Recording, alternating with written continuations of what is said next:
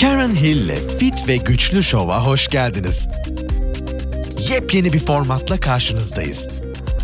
Sen değerlisin. Değerini bil. Çünkü önemli olan hasta olmadan sağlıklı ve zinde kalabilmek. Ve iddia ediyoruz bu şovu dinleyerek bunu başaracak ve yepyeni bir sen olacaksın. Hoş geldiniz. Ben Karen Hill. Bugünkü konumuz biraz değişik. Tema biraz değişik. Biraz samimi, açık, dobra dobra konuşmak istiyorum sizinle. Şimdi 28 senedir bu mesleğin içindeyim. Önce tabii ki fitnessla başladım. Ondan sonra beslenme uzmanlığına doğru yol aldım. Aynı anda yaşam koçluğu eğitimi de aldım çünkü gerekli bu mesleğimde. Yalnızca mesleğim için kullanıyorum. Ve e, bireysel hastalar kabul ediyorum. Eğitim yapıyorum. Facebook'ta konuşuyorum. Burada konuşuyorum. Bütün amacım toplumu eğitmek, bir şeyler verebilmek. Ben bazı bilgileri elde etmişsem niye paylaşmayayım vesaire. Ve normalde benim uzmanlığım hastalıklarla ilgilenmek, yaşam tarzını oturtmak. Ve zaman geçtikçe bu durumun ne kadar kötüye doğru yol aldığını görmeye başladım. Önce yetişkinler, şimdi çocuklar, şimdi herkes bir şekilde çok rahatsız. Rahatsızlıktan öte herkes çok mutsuz. Şimdi ben normalde işte beslenme hayatını, temiz beslenme, menüler, spor spora spor için yardımcı menüler veya e, ona göre bir yol çizme karşımdakinin ihtiyacına göre işte uyku sistemini düzeltmeye uğraşmak, ek besinler vermek vesaire. Fakat bu zamanla değişime uğramaya başladı. Daha doğrusu ben farkına varmadan 10 dakika 15 dakika seanslarımın beslenme ve spor konusu, menülerin üstünden geçmek, geri kalan zamanı ise psikolojiyle uğraşmaya dönüştü. Ve ben beslenme uzmanlığından daha çok e, okumadığım bir mesleği yapmaya başladım. Çünkü baktım ki um, insanların e, temelinde başka şeyler yatıyor. Ha, hepimizin temelinde başka problemler var tabii ki. Fakat bu problemler o kadar bütün günlük hayatı ele almış ki dolamış ki bir zehir gibi insanlar bunun farkında değil. Çok mutsuzlar karşıma gelenler. Bu da bir problem değil. Bu da bir hiçbir problem değil. Çünkü sonuçta ben de bazı yollardan geçtim. Psikolojiyi ben de okudum. Psikolog değilim. Fakat bir bölüm olarak okudum. Kendi psikolojimi biliyorum. Nerelerden nereye geldiğimi biliyorum. Nelerle uğraştığımı biliyorum. Ee, beslenme problemlerini biliyorum. Depresyonu biliyorum vesaire. Ve sonuçta her bir şekilde yardım etmeye uğraşıyorum. Fakat baktım ki ve bakıyorum ki insanlar bana geliyorlar yardım için. İstiyorlar problemlerini çözmek.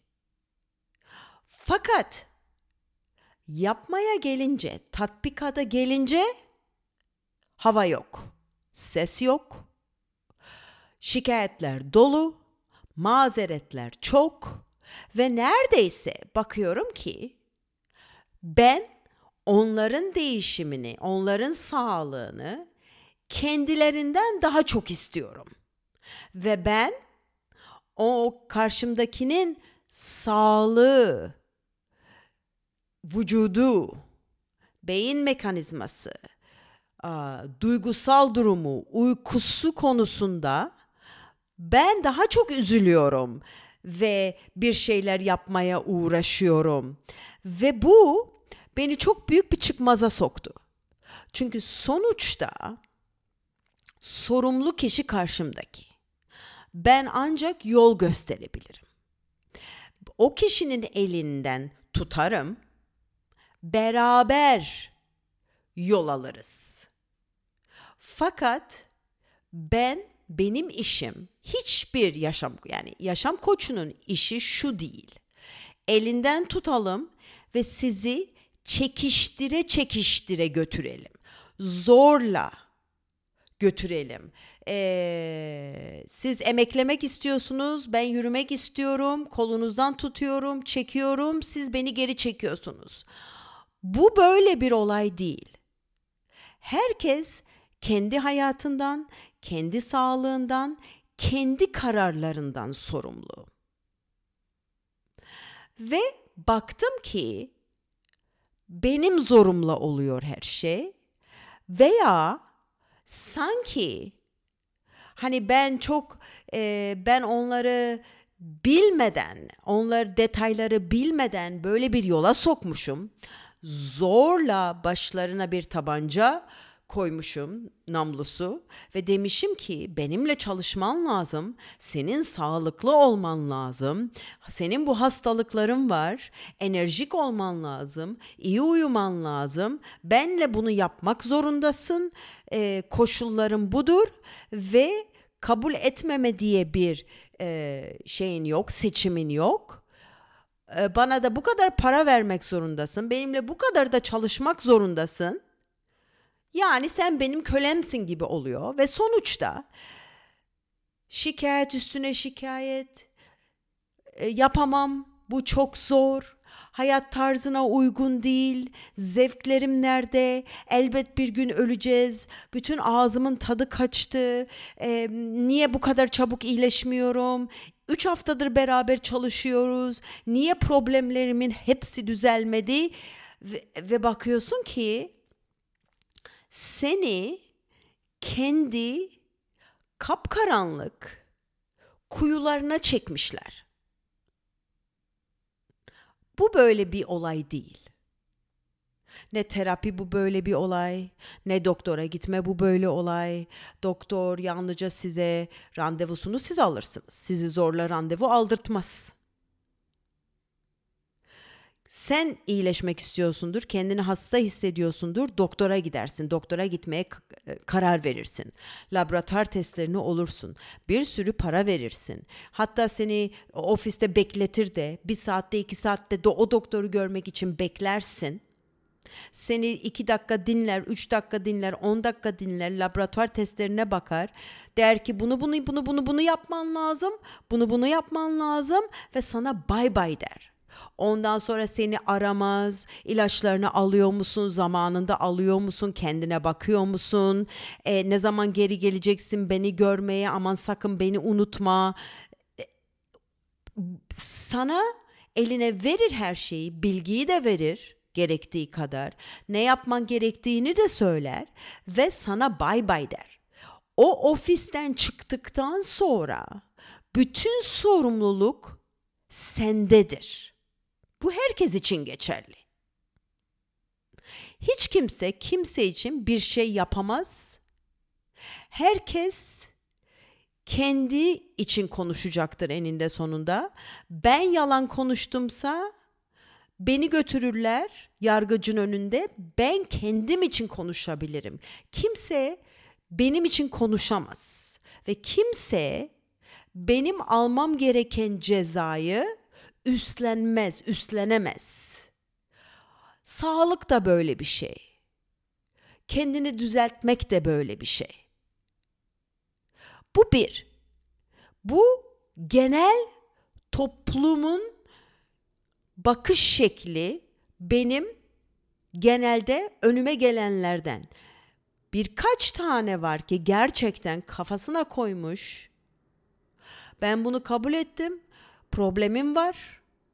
Gerçekten iyi olmak istiyorum ve bunu başkası benden daha iyi biliyorsa onu dinlemek için ve onun yolunu izlemek için ben bunu yapmaya karar veriyorum. Bu benim isteğim ve bu benim sorumluluğum. Yol göstereni de dinlerim. Çünkü bana birisi yol gösterecekse bir şey bilmiyorsam o kişiyle benim habire tartışmam ve yok ben bunu yapamam. Abi sen öyle diyorsun, sen milyoner olmuşsun, bana milyoner olmayı gösteriyorsun veya başarılı olmayı gösteriyorsun. Fakat benim problemlerim bu bu bu. Bu bana zor, bu bana zor, bu bana zor, bu bana zor. O insan bana eğitmenlik vermeyi bırakır. Çünkü der ki sen bana geldin. Sen be- başarmak istiyorsun. Sen daha iyi olmak istiyorsun. Benimle kavga etmene gerek yok. Senin hayatın, senin problemlerin. Fakat şunu söylemek istiyorum hepinize ama hepinize. Durum iyiye gitmiyor. Gerçekten problem, sağlık problemi zannettiğinizden büyük. Ve zannetmeyin ki bu şansa. Yani böyle bir e, hayat tarzımız değişti ve biz hasta olmaya başladık. Ve bu bir böyle kötü durumdayız evet. Bunların hepsi planlı. Şimdi benim önüme birkaç gün evvel bir yazı geçti. Aa, eminim çok iyi tanıyorsunuzdur. Araştırmacı, araştırmacı gazeteci Soner Yalçın. Ve çok güzel bir yazı yazmış. Tabii ki bu bilgiler kendisi araştırmış, okumuş, etmiş. Evet. Bu bilgiler maalesef çok uzun zamandır bilinen bilgiler. Hani çok ufak bir kesim tarafından bilinen bilgiler. Fazla konuşulmayan şeyler. Fakat artık o kadar bariz ve belli ki artık bir şöyle bir silkinmeniz gerekiyor. Gerçekten ben bunu evvelden Facebook'ta da konuştum, Instagram'da da konuştum, yazılarımda da yazdım. Bakın. Siz ne kadar sağlıksız olursunuz, ne kadar yorgun olursunuz, ne kadar az beyniniz çalışır, umurunuzda değildir artık. Çünkü hayat, yaşam, sevginiz, aşkınız gitmiştir. Sorumluluğu almazsınız ot gibi yaşarsınız.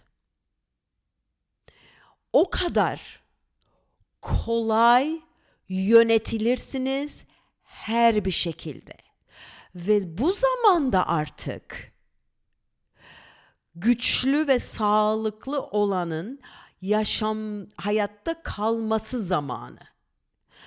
Zayıf olanlar, sağlıksız olanlar yok olup giderecekler. Gidiyorlar da zaten.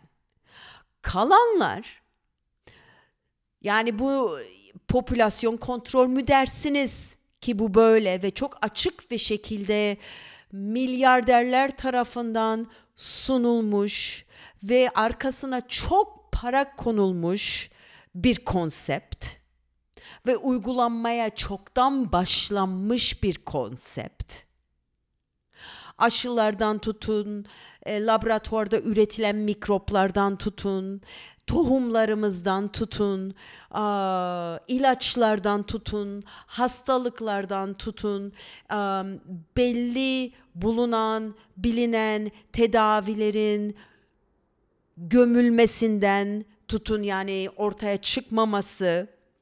Bunlar bunlar yeni şeyler değil. Bunlar eski eski onlarca sene evvelinden planlanmış şeyler. Ve şimdi e, ben burada e, yazı bazı şeyleri okumak istiyorum e, Soner Bey'in e, ve çok güzel de bir kitap çıkarmış ve bunun tarihçesini e, görmek istiyorsanız, okumak istiyorsanız e, Saklı Seçilmişler diye bir kitap ve bunlar saklı seçilmişler. Gerçekten seçilmiş insanlar var. Bunları çok iyi detaylı okuyabilirsiniz. Hani benim demem belki bir komik geliyor ama senelerdir söylüyorum. E, yazılmıştır, çizilmiştir. Okuyun biraz. Biraz okuyun. Ha televizyonu, televizyonu bırakın. Um, gazeteyi masteyi bırakın. Çünkü bunlar belli kontrolde yazılmış şeyler. Biraz araştırmaya girin. Biraz okuyun. Geçmişi bilin. Nereden ne geliyoru öğrenin ve ona göre bazı kararlar verin. En basitinden sağlıklı olma kararı, biraz e, kafanın iyi çalışma kararı, e, güçlü olma kararı. E, içten bulun şu mutluluğunuzu ki yeni jenerasyona da bunu aktarabilelim. Yeni jenerasyon mahv durumda. Hepsi hastalıklı. Şimdi nasıl e, yazmış? Şunu okuyorum ben size. Alıntıdır bu. Ee, özellikle son 6 ayda inşallah delirmem dedim. Kötülüğe ve adaletsizliğe inanmıyorsunuz. Örneğin bu süreçte iki kez ABD'ye gittim. Benzer durumu Güney Kore ve Japonya'da da görmüştüm.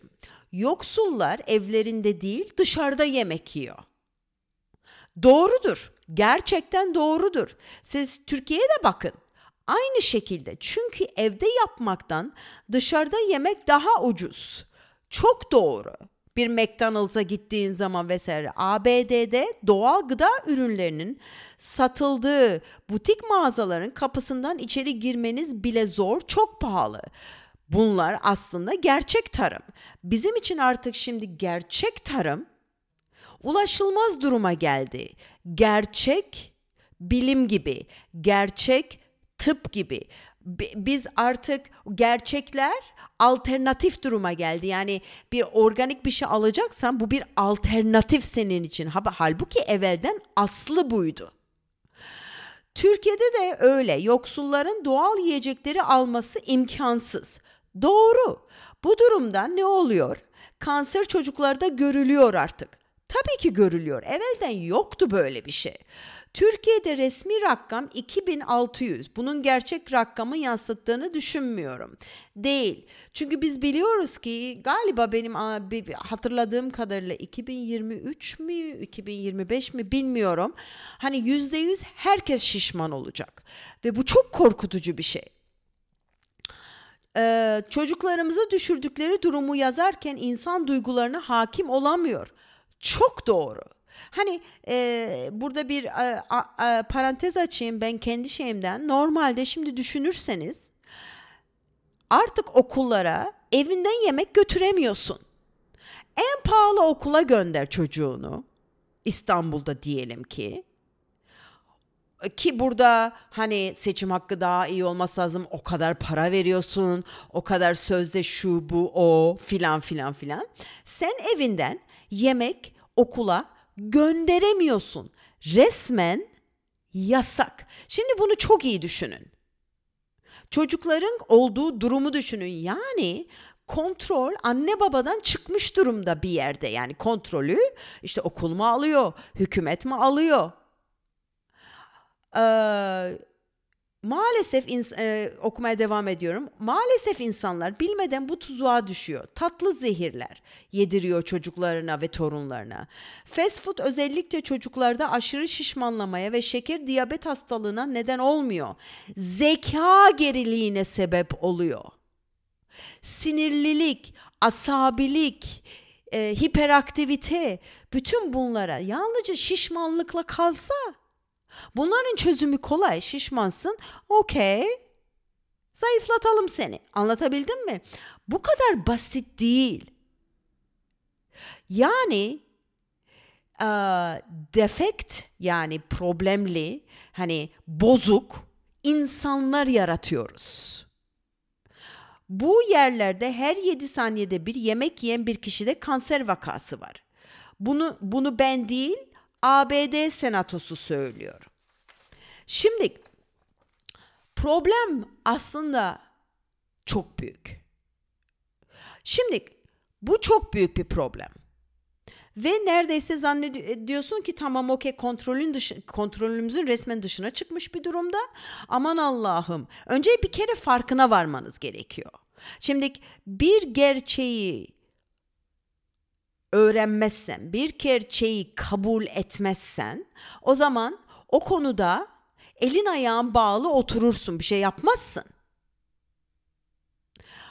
Önce bir gerçeği kabul etmen gerekiyor ve bunu artık kabul edin. Bu yani bön bön suratınıza bakıyor. Bunu kabul ettikten sonra şunu ben size söyleyeyim ki şunu bilin ki çoğu şey kontrolünüzün kontrolünüzün altında. Kendi dört duvarınız kendi kontrolünün altında. Dışarıda yemek yiyip yemediğin senin kontrolünün altında. Yalnızca bir öğün çocuk öğlen yemeğini öğlen yemeğini yiyecekse geri kalanı senin kontrolünün yani kahvaltı sende. Öğlenden sonra sende. Akşam sende. Çocuklarının uyku saatleri sende. Çocuklarının aktivitesi sende. Çocuklara ahlakı öğretmek sende. Terbiyeyi öğretmek sende. inancı öğretmek sende. Temizliği, hijyeni öğretmek sende. Kendi evine ne alacağını kontrolü sende. Anlatabiliyor muyum? Ee, evinde nasıl davranılacağı, küfür edilip edilmeyeceği sende. Çünkü yalnızca her şey, hayat, her şey, sağlık, kafa dingilliği, her şey yalnızca beslenme değil. Yalnızca ay ben C vitamini mi kullanayım? Probiyotik mi kullanayım? Ay acaba brokoli yiyeyim mi yemeyeyim mi? Ay o değil yalnızca.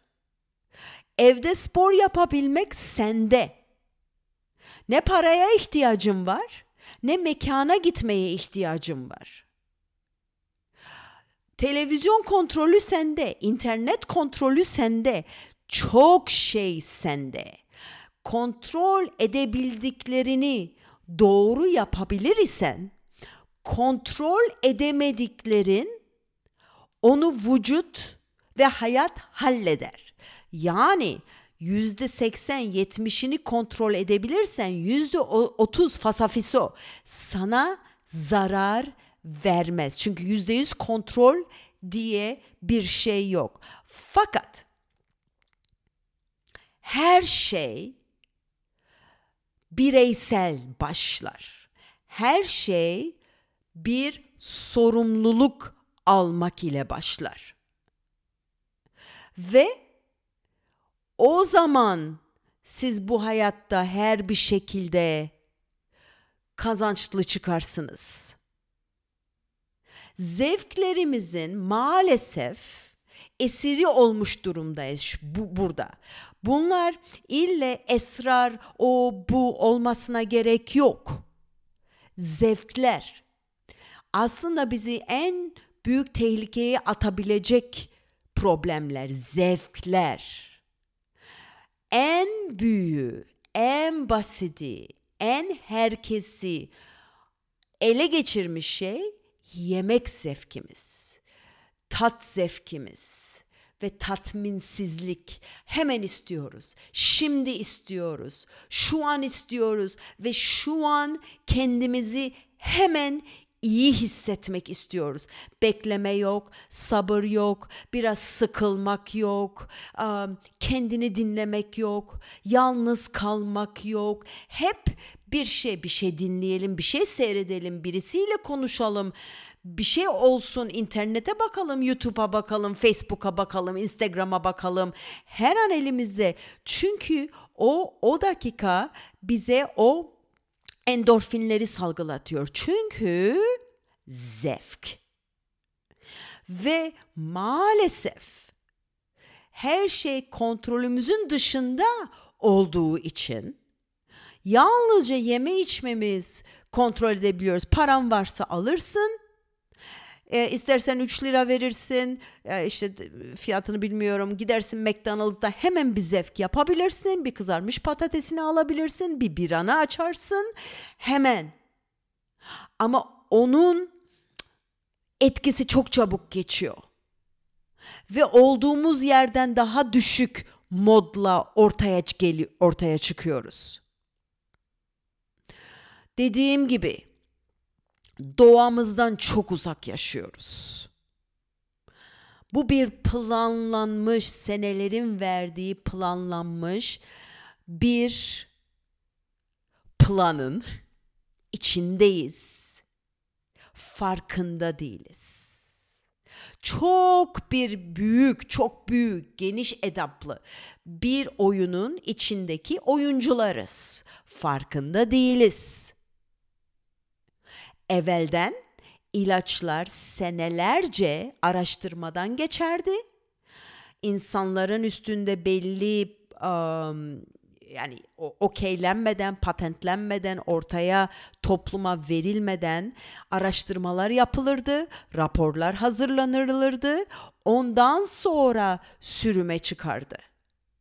Şimdi artık o zaman yok artık. Bir ilaç bulunuyor, hemen okeyleniyor. Hatta insanların üstüne denenme zorunluluğu da yok artık. Ondan sonra ortaya konuluyor, satışa sunuluyor. Sizlerin üstünde para kazanılarak araştırmalar yapılıyor. Bu ilaç zararı var mı yok mu? Bilmem kaç sene sonra ortaya çıkıyor ki aman Allah'ım bunun çok büyük zararları varmış ve ilaç geri çekiliyor. Ama zarar çoktan çoktan oluştu. Bu zararlar oluşurken e, ilaç sektörü muhteşem para kazandı kaybı yok. En basit örneğinden Zantac, Zantac, mide ilacı en basit örneğinden. Ve bundan başka işte Monsanto'nun Roundup ilacı e, biliniyor. Bunların hepsi biliniyor.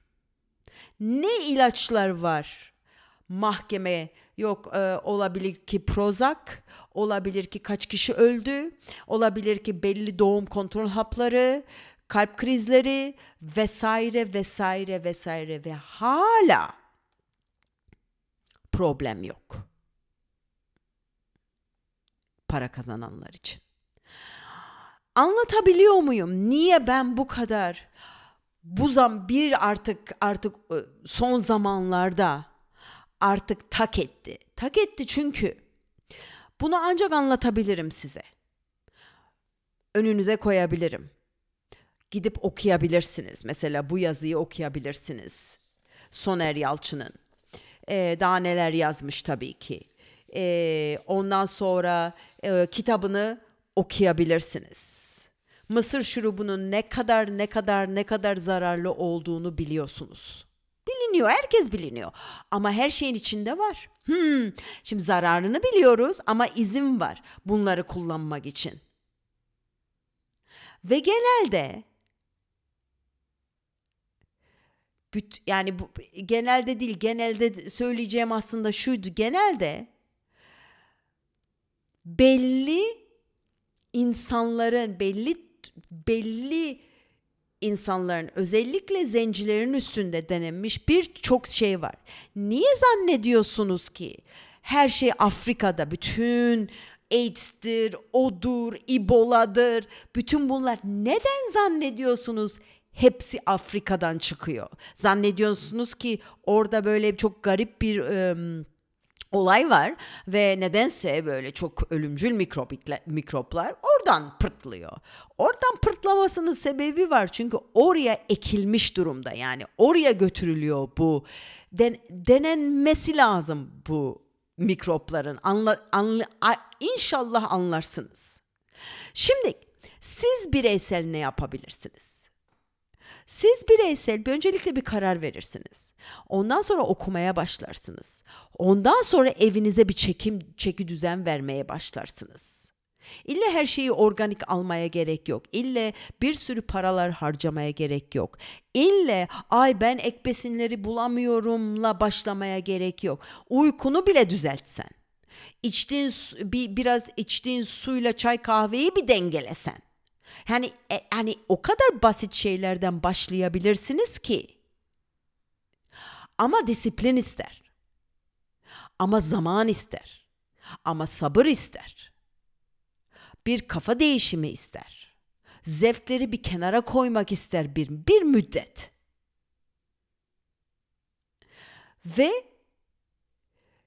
bir şeyler gerçekten insan psikolojisi o kadar değişmiş ki bizim evvelden böyle şeyler yoktu. Biz yani sıkılırdık. Biz kendi başımıza oyun oynardık. Kendi kendimize konuşurduk. Yoktu böyle oraya buraya götürmeler, e, okul tatile gitti mi ay acaba e, kara mı gidelim, skiye mi gidelim, bu çocukları nasıl eğlendirelim. Yoktu böyle şeyler. Kimse bizi böyle eğlendirmezdi. Ve bizim psikolojimize hiçbir şey olmadı. Biz kendi kendimize oyun üretmesini bilirdik. Şimdi bu çocuklar artık üretemiyor.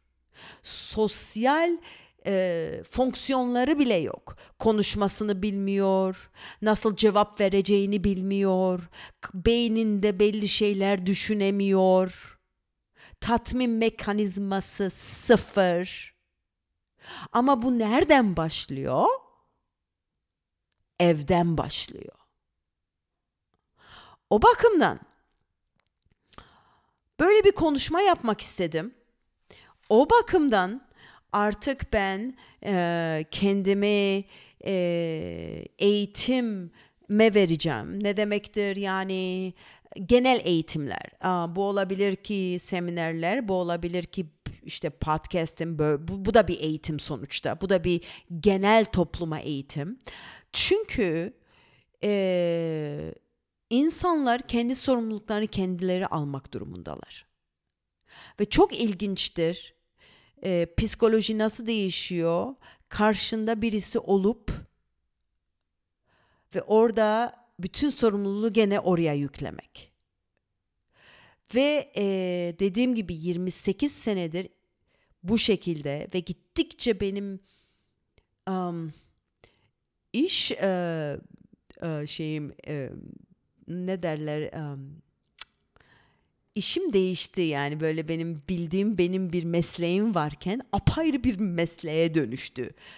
İş tanımım değişti kendi kendine ben farkına varmadan ve bu beni çok yormaya başladı.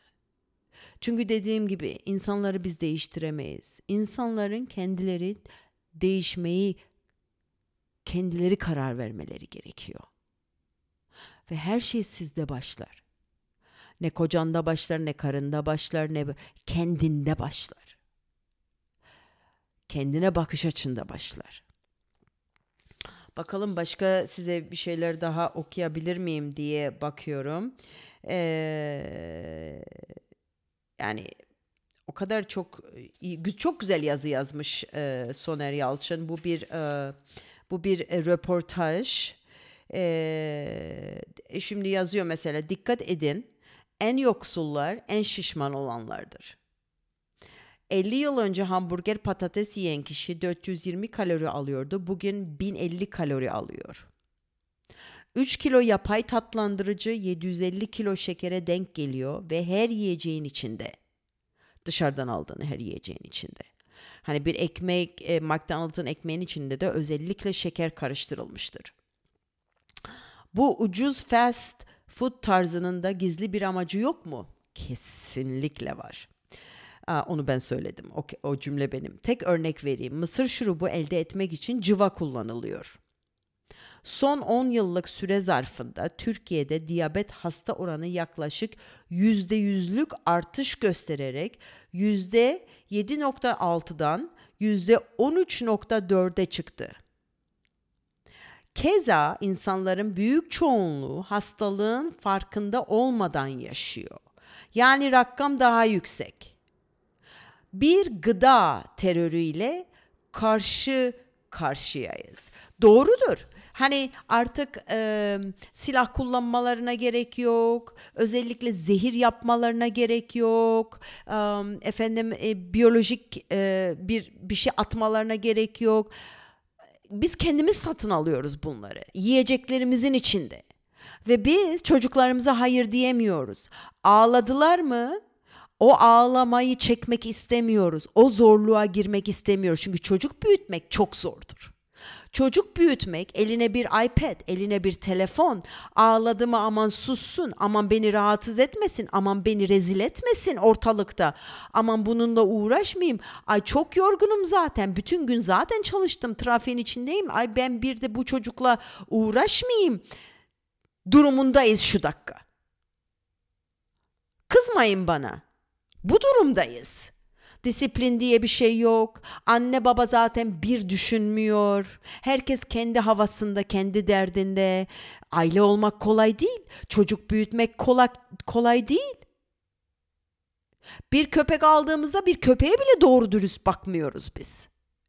Çünkü zevk için alıyoruz. Kendi tatmimimiz için e, bir eve köpek alıyoruz. Kendimizi mutlu etmek için ama biz düşünmüyoruz o köpeğin ihtiyaçları ve ona göre bizim ne yapmamız gerekiyor.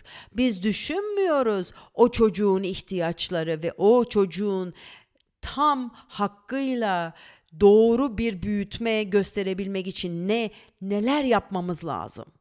Biz onları düşünmüyoruz. Biz çünkü zaten hayatımızdan bezmişiz. Biz yorgunuz. Karı koca ilişkisi zaten çöpte. Yok öyle bir ilişki. Çünkü evlilik zor. Evlilik zor. İş ister. Zaman ister. Özveri ister. Çocuk bakmak zor. Zor. Anlatabiliyor muyum? Zora gelemiyoruz artık. Çünkü biz bakmışız. İşte bu durumda kukla gibi yönetilirsiniz ve işte sizden her bir şekilde muhteşem kar götürürler. Diyorum bu kadar konuşma yeter diyorum. Yeterince bence içimi döktüm. Açık açık konuştum. Belki çoğunuzu üzdüm ve kızdırdım. Artık bu yaştan ve bu zamandan ve bu kadar emek verdikten sonra benim görevim size doğruyu söylemek. Çünkü biz artık öyle bir toplumda ve öyle bir zamanda yaşıyoruz ki aman aman başkasını üzmeyeyim benim inançlarımla ve düşüncelerimle. Yok öyle. Evvelden biz böyle bozulmazdık her şeye. Ay beni kırdı. Ay biz ne kadar böyle kırılgan bir şeyler olduk. E hayatta böyle kalamazsınız. Kendinize iyi bakın. Sizler umurumda olmas olmasaydınız ve insanları ve sağlığı yüksek bir yerde görmeseydim hiç ağzımı açmam. Bu kadar da üzülmem insanlık için. Sizleri seviyorum. İnşallah gelecek hafta daha normal bir konuyla karşınıza gelirim. Görüşmek üzere. Bye bye. Karen Hill'le Fit ve Güçlü Show'u dinlediğiniz için teşekkür ederiz. Sağlıklı ve güçlü olmak, ayrıca sağlıklı kalmak için bizi takipte kalın.